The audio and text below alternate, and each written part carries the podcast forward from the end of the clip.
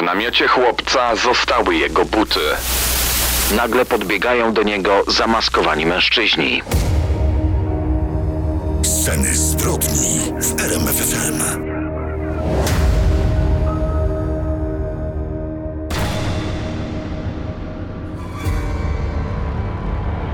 Dziś o sprawach, którymi swego czasu żyła Holandia.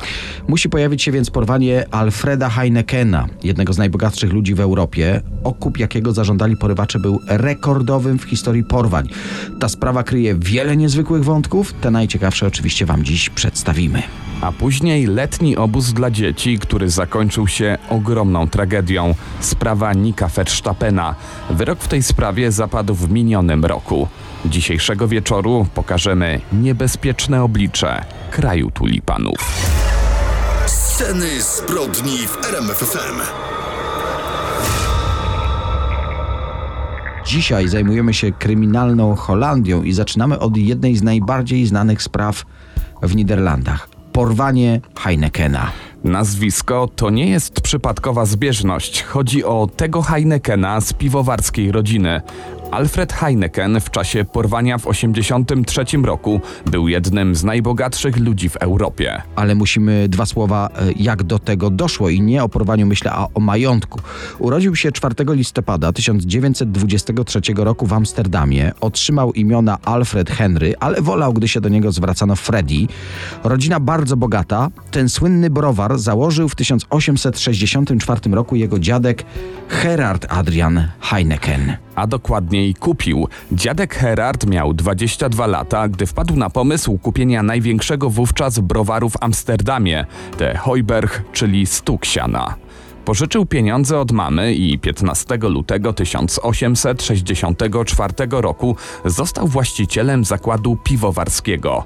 Dziewięć lat później nazwę Stuksiana zmienił na swoje nazwisko i rozwinął produkcję. No więc wydawałoby się, że skoro Alfred przyszedł na świat w takiej rodzinie, skazany jest na przyszłość w browarnictwie i tak się oczywiście stało. Całe lata 70. i 80. XX wieku był prezesem zarządu tej holenderskiej firmy. Co ciekawe, gdy jako dorosły wchodził na rynek rynek pracy i w 1941 roku został zatrudniony w Heinekenie, browary od roku nie były już własnością jego rodziny.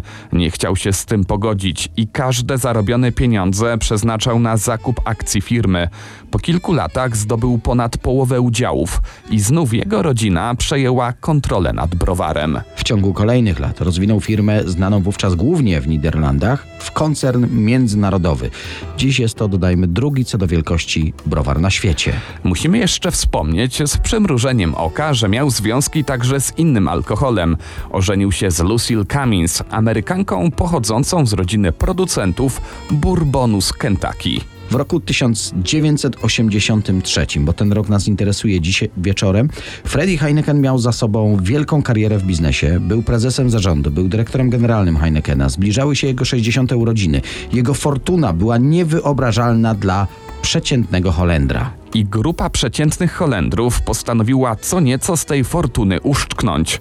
To miały być tak zwane easy money. No to teraz będę sobie łamał język. Czterej Holendrzy, Korfan Hout, Willem Holeider, Franz Meyer i Jan Bullert postanowili wzbogacić się bardzo i bardzo szybko. Wpadli na pomysł porwania jednego z najbogatszych ludzi w kraju i jednego z najbogatszych w Europie, dziedzica fortuny Heinekenów, większościowego udziałowca i jednego z najbardziej znanych koncernów świata.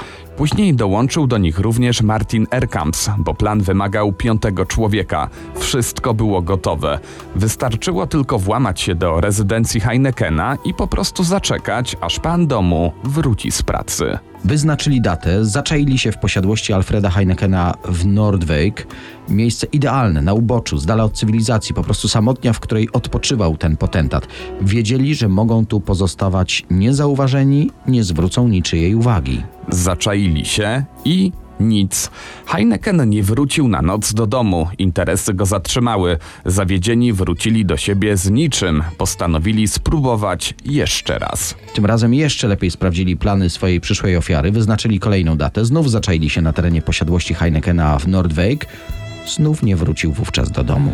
Ta sytuacja powtarzała się. Wyobrażamy sobie, że musieli być mocno sfrustrowani, bo plan porwania obmyślali przez około dwa lata. Mieli sprzęt, maski, urządzenie do zmiany głosu, rękawiczki, napisali listy z precyzyjnymi żądaniami okupu, obmyślili sposób, w jaki te pieniądze do nich trafią, ukradli samochód, przemalowali go tak, by nikt go nie rozpoznał, no i przygotowali idealne więzienie. W takim opuszczonym budynku gospodarczym w Quonset, który należał do lokalnej firmy produkującej drewno, wybudowali tam podwójną ścianę. Gdy ktoś wchodził do tego garażu, czy też bardziej hali, widział jedynie zaniedbane pomieszczenie. Nie zauważał, że chata, długa pierwotnie na 42 metry, została skrócona o 4 metry. Ta przestrzeń skrywała tajne drzwi, nie miały klamki, by nic nie zdradziło postronnym obserwatorom, że drzwi istnieją. Za nimi znajdowały się dwa specjalne wymurowane pomieszczenia, doskonale wygłuszone. Napastnicy przeprowadzali testy akustyczne. To, co dzieje się w środku, słyszeli dzięki głośnikom, ale po ich wyłączeniu przebywający w środku celi mógł krzyczeć, uderzać o ściany. Nie było nic słychać w reszcie pomieszczeń.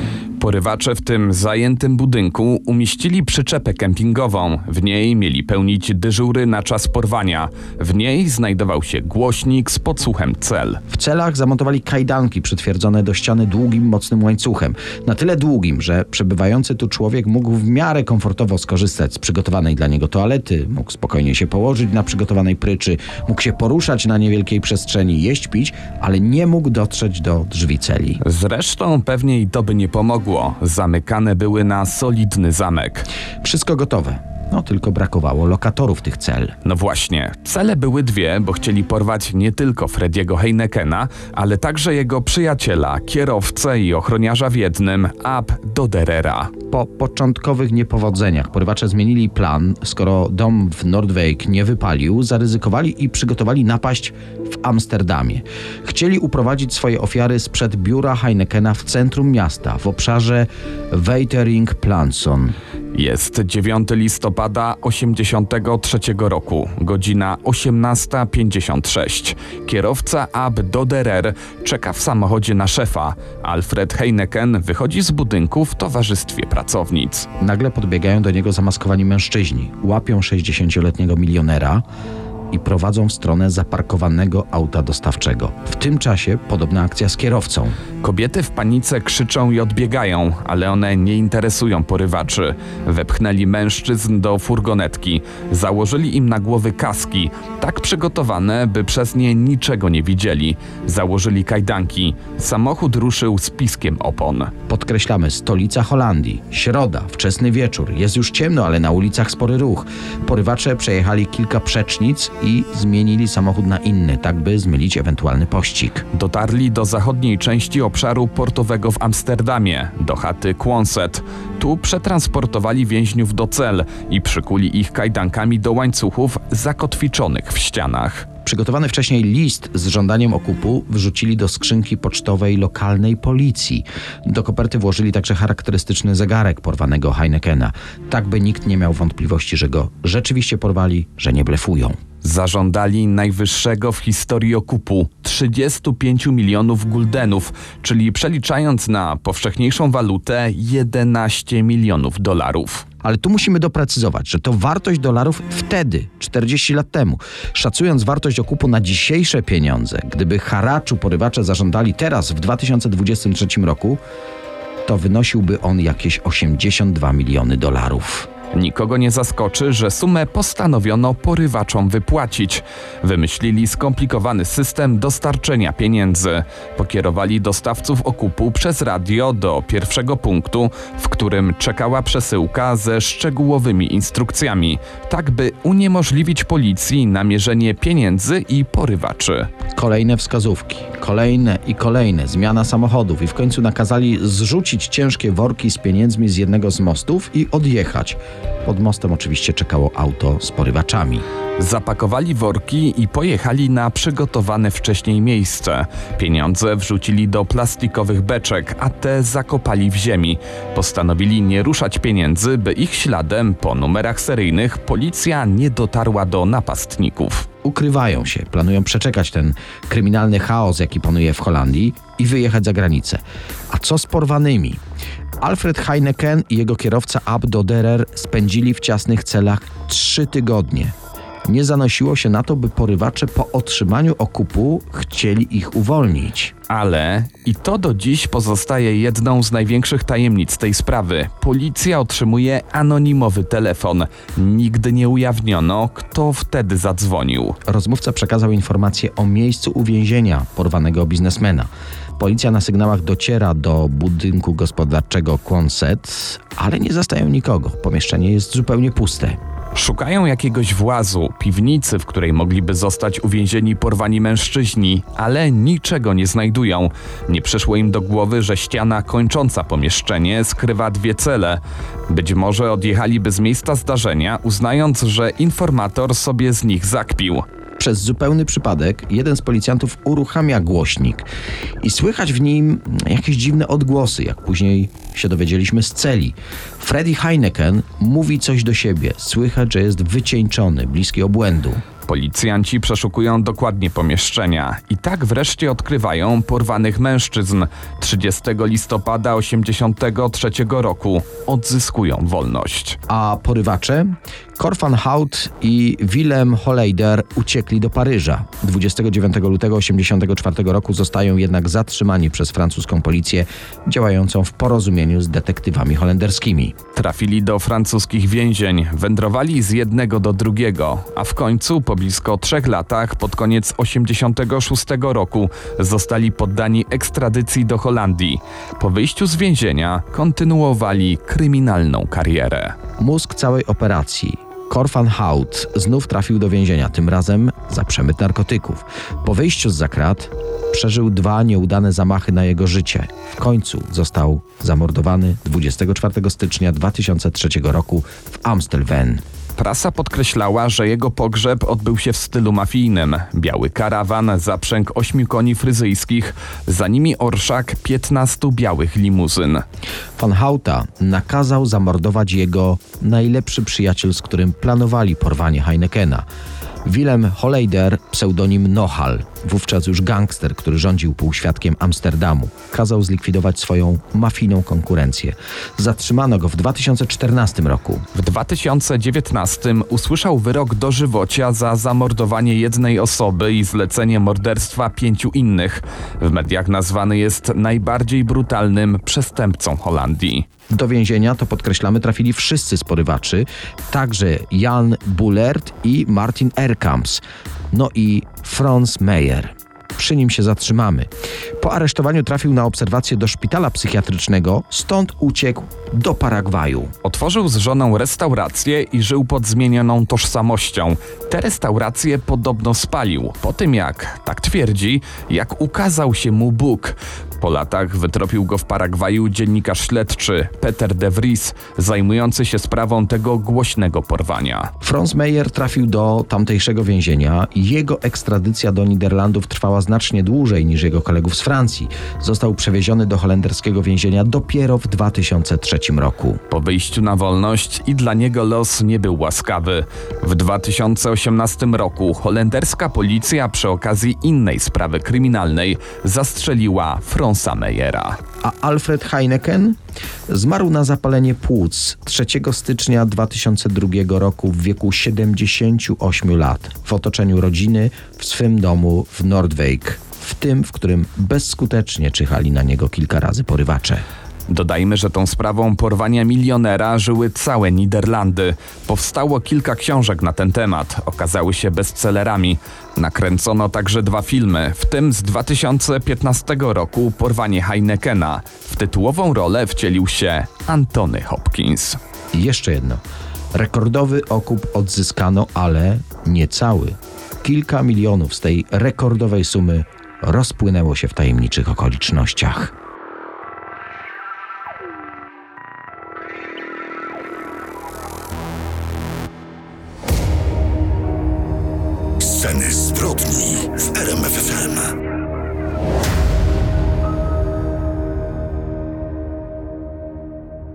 Przenosimy się do sierpnia 98 roku. We wsi Heiblum, położonej w południowej części kraju, jak co roku trwają przygotowania do letniego obozu dla dzieci. Celem wyprawy była gmina Brunsum, zlokalizowana jeszcze bardziej na południe, blisko granicy z Niemcami. Tam, na terenie kempingu The Heikop, kilkadziesiąt dzieci miało przeżyć ekscytujący czas z dala od rodziców. Wśród tych dzieci znalazł się 11-letni Niki Verstappen. Był to jego pierwszy taki obóz w życiu, chociaż rok wcześniej był bliski wyjazdu, ale w ostatniej chwili zrezygnował, obawiał się rozłąki z najbliższymi. Tym razem dał się przekonać rodzicom, że na kempingu czeka go dużo atrakcji, no i wyjazd dobrze mu zrobi. Niki uwielbiał swojego psa, lubił jeździć na rowerze, ale jego prawdziwą miłością była piłka nożna, a dokładnie klub Ajax Amsterdam. Chłopak kolekcjonował rozmaite gadżety związane z tą drużyną i oglądał wszystkie jej mecze. 37 dzieci razem z opiekunami wyjechało z Heiblum 8 sierpnia 98 roku. Po około godzinie jazdy dotarli na kemping de Heikop. Rozpoczął się beztroski czas zabaw. No myślę, że każdy, kto był na letniej kolonii, doskonale ten klimat zna. Dużo rozmaitych gier, wędrówek, no i mrocznych opowieści przy ognisku. Tak było i w tym wypadku. W drugi dzień obozu o 22 dzieciaki spały już w swoich namiotach. 10 sierpnia kolega z drużyny Nika wstał o 5 rano do toalety. Wszyscy pozostali kompanii byli w swoich łóżkach. Inny chłopak przebudził się około 6. Od razu dostrzegł, że Verstappena nie ma w namiocie. Nie przejął się tym widokiem. Pomyślał, że rówieśnik wyszedł zapewne za potrzebą. Jednak o 8 rano, gdy wszyscy uczestnicy zebrali się na śniadanie, Niki dalej nie wrócił. Rozpoczęto poszukiwania jedenastolatka. Początkowo opiekunowie byli przekonani, że chłopiec uciekł z obozu i zgubił się gdzieś w lesie. Ale takie zachowanie nie pasowało do bojaźliwego charakteru dziecka. Dodatkowo w namiocie zostały jego buty. Trudno, aby wyszedł na bosaka. Z każdą godziną sytuacja stawała się coraz bardziej poważna. Poinformowano rodziców chłopca o zaginięciu. Służby i setki ochotników w upale przeczysywali okolice z ziemi i powietrza. Niestety bez żadnych efektów. 12 sierpnia, czyli trzeciego dnia poszukiwań, około 21, wujek zaginionego dostrzegł coś dziwnego leżącego w sosnowym zagajniku. Gdy podszedł bliżej, był już pewny, że to Niki Verstappen. Półnagie ciało znaleziono w odległości 1200 metrów od namiotu, w którym spał. Spodnie od jego piżamy były założone na lewą stronę, tak samo jego bielizna. Podczas sekcji zwłok ustalono, że chłopaka wykorzystano seksualnie przed śmiercią. Jedenastolatek został najprawdopodobniej uduszony. Pogrzeb małego Nika zgromadził setki osób z jego rodzinnej miejscowości. W czasie ostatniej drogi chłopca trumna była przykryta flagą jego ukochanego klubu Ajaxu Amsterdam. Kto dokonał tak wstrząsającej zbrodni? Odpowiedź na to pytanie miało przynieść jedno z największych i najdroższych śledztw w historii Holandii. Mimo tego, że chłopca znaleziono ponad kilometr od namiotu, jego bose stopy były czyste, tak jakby ktoś przeniósł go w tamto miejsce. Na polanie, która znajdowała się obok zagajnika, gdzie znaleziono Nika, zabezpieczono niedopałek papierosa i chustkę. Materiał genetyczny zabezpieczony na tych przedmiotach i ubraniach chłopca porównano z bazą DNA. Jednak to nie przyniosło przełomu w śledztwie. Uwagę śledczych właściwie od razu skupił 80-letni Jos Barten, dyrektor obozu i szkoły w Heiblum. Bardzo szanowany pedagog, odznaczony za swoje zasługi przez królową Niderlandów. Mężczyzna zachowywał się dziwnie w czasie poszukiwań. Wskazał funkcjonariuszom obszar, gdzie później rzeczywiście znaleziono ciało. Zaraz po odnalezieniu chłopca spakował rozłożone namioty i uprzątnął teren kempingu, co bardzo utrudniło zabezpieczenie dowodów. Mimo wielu zasług, Jos Barten miał też bardzo ciemną kartę. Przeszłości był wielokrotnie skazany za przestępstwa seksualne wobec nieletnich. Wszystko wskazuje na to, że na obozie poprzedzającym turnus Nika odurzył i wykorzystał seksualnie 15-letnią dziewczynę. Natomiast o 6 rano, w dniu zaginięcia chłopca, dyrektor obozu był widziany obok jego namiotu. Samochód innego opiekuna obozu został dokładnie wysprzątany przy użyciu środków chemicznych. Mimo tego śledczy znaleźli tam włos. Badania wykazały, że nie należał on jednak do zamordowanego jedenastolatka. Żaden z opiekunów feralnego obozu nie był oficjalnym podejrzanym w tej sprawie. Jos Barten zmarł w 2003 roku w wieku 83 lat. Śledczy nie poddawali się. Przepytywano mieszkańców Brunsum. Wyznaczono ogromną nagrodę za informacje o sprawcy morderstwa. Trudne postępowanie trwało. Lista pytań rosła. Podejrzewano homoseksualistów i klientelę prostytutek, którzy spotykali się na parkingu położonym nieopodal miejsca znalezienia Nika. Ze sprawą łączono również niemieckiego seryjnego mordercę Martina Neya. Bandytę aresztowano w 2011 roku. Analiza DNA wykluczyła jednak, aby miał cokolwiek wspólnego z tą sprawą. Obok pomnika w Brunsum upamiętniającego Nika Verstappena, który powstał w 2001 roku, ktoś regularnie zostawiał anonimowe listy. Przyznawał się w nich do zabójstwa chłopca. Dodatkowo kilkakrotnie zdemolowano pamiątkową rzeźbę. Finalnie złapano autora niepokojących listów, ale jak się okazało, nie miał on nic wspólnego z zabójstwem. Nagrodę za informacje w sprawie zabójcy podniesiono do pół miliona guldenów holenderskich. Dzisiaj byłaby to równowartość miliona złotych. Śledztwo wielokrotnie umarzano i wznawiano. Część mieszkańców wsi Heiblum oskarżało o udział w zbrodni zdegenerowanych opiekunów obozu. Inni stawali w ich obronie. Ostatecznie to rozwój technologii pomógł w rozwiązaniu tej mrocznej sprawy. Już od 1999 roku pobierano DNA od podejrzanych i porównywano go z materiałem zabezpieczonym na miejscu zbrodni. W 2010 roku na ubraniach zamordowanego znaleziono kolejny obcy materiał genetyczny. Korzystając z nowej technologii, ponownie uzyskano próbki od 80 podejrzanych. Dzięki tym badaniom wykluczono udział zmarłego Josa Bartena w tej zbrodni to był tylko początek masowych testów DNA. W styczniu 2018 roku pobrano próbki od 15 tysięcy mieszkańców prowincji Limburgia. Była to największa liczba przeprowadzonych testów genetycznych w czasie śledztwa w historii Niderlandów. Cały koszt przeprowadzonych badań przekroczył 2 miliony euro. Jedną z osób, którą poproszono o udział w badaniach, był 55-letni Johannes Jos Brech. Mężczyzna nie odpowiedział na apele policji, a wkrótce zapadł się pod ziemię. Materiał genetyczny jednej z 15 tysięcy próbek był bardzo podobny do tego pozostawionego na ubraniu 11-letniego chłopca. Okazało się, że należał do kogoś z rodziny wspomnianego Josa Brecha. Śledczy wiedzieli, że są blisko rozwiązania zagadki, dlatego pojawili się w mieszkaniu mężczyzny i pobrali materiał do badań z rzeczy Brecha. Zgodność DNA z materiałem biologicznym mordercy była stuprocentowa. Brech został ujęty 26 sierpnia 2018 roku przez hiszpańską policję. Tam mieszkał w lesie i ukrywał się nieopodal Barcelony. Do ujęcia mordercy przyczynił się przypadkowy świadek, który rozpoznał wizerunek mężczyzny na liście gończym i poinformował służby. Po ekstradycji do Holandii oskarżony stanął przed sądem. Jos Brech to zapalony harcerz i tak zwany preppers. W momencie zabójstwa małego Nika miał 35 lat. Mieszkał 19 km od obozu De Heikop. W 1985 roku mężczyzna wykorzystał seksualnie dwóch dziesięciolatków. Ale nie został skazany za to przestępstwo. Przyznał się do zbrodni i był tylko pod obserwacją policji. Dlatego jego nazwisko nie znajdowało się na liście przestępców seksualnych z okolicy, których prześwietlała policja. Co więcej, był wielokrotnie przesłuchiwany w tej sprawie. Na spodniach od piżamy Verstappena znajdował się włos Josa Brecha. Oskarżony nie przyznawał się do winy. Według swojej wersji zdarzeń, feralnego dnia kręcił się po okolicy. Z oddali zauważył jakiś niepokojący kształt. Gdy podszedł bliżej, zauważył chłopca.